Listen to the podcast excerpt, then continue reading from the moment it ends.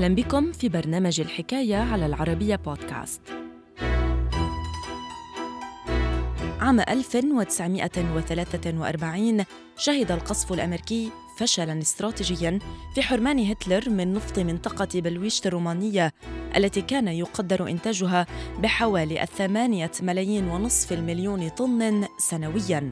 تفاصيل الحكاية في مقال للكاتب طه عبد الناصر رمضان بعنوان بقصف انطلق من ليبيا حاولت أمريكا تدمير نفط هتلر.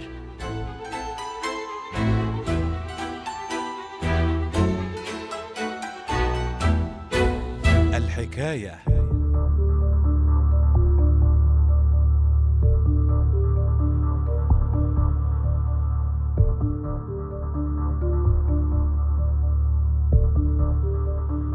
مثل التزود بالنفط نقطة ضعف الجيش الألماني. فمع دخول الأمريكيين الحرب عام 1917 وهيمنة البحرية البريطانية على جانب هام من المسالك والبحار حرم الألمان من التزود بالنفط الأمريكي الذي مثل 61% من الإنتاج العالمي. ومع صعود أدولف هتلر عام 1933 وحصوله على منصب المستشار وانفراده بالحكم عقب رحيل الرئيس باول فون هندنبورغ عام 1934 وجه النازيون نظرهم نحو النفط الروماني لعلاج أزمة الطاقة وتحريك دباباتهم وطائراتهم وسفنهم بحرب مستقبلية. ومنذ عام 1938 عمد أدولف هتلر لإزاحة كل من فرنسا وبريطانيا من رومانيا عن طريق فرض الهيمنة الألمانية على مصادر طاقتها واقتصادها.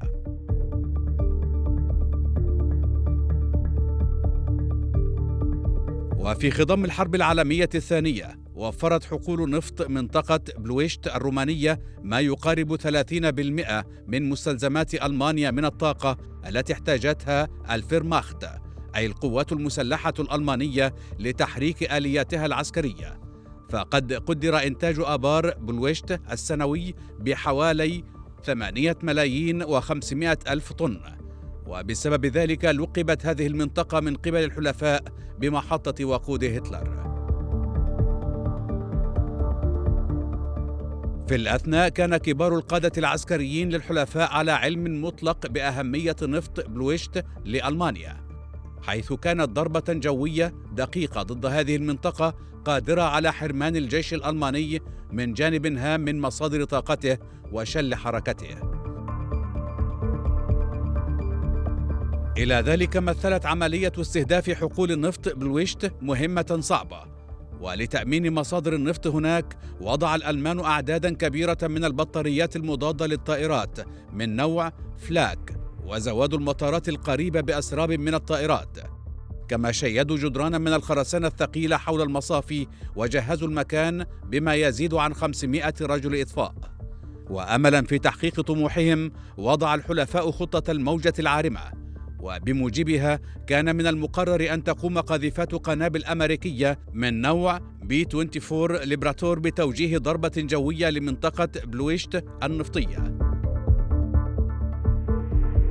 مطلع أغسطس عام 1943 غادرت نحو 177 قاذفة قنابل أمريكية B 24 Liberator منطقة بنغازي الليبية. واتجهت الطائرات الأمريكية في البداية للتحليق على علو منخفض لتجنب الرادارات الألمانية لكن بسبب خروج بعضها عن المسار المحدد نحو رومانيا اضطرت الطائرات الأمريكية لفتح واستخدام الراديو ما أفقدها عامل المفاجأة وجعلها مكشوفة للألمان. ومن ضمن 177 قاذفة قنابل تمكنت 167 من بلوغ بلويشت لإلقاء قنابلها.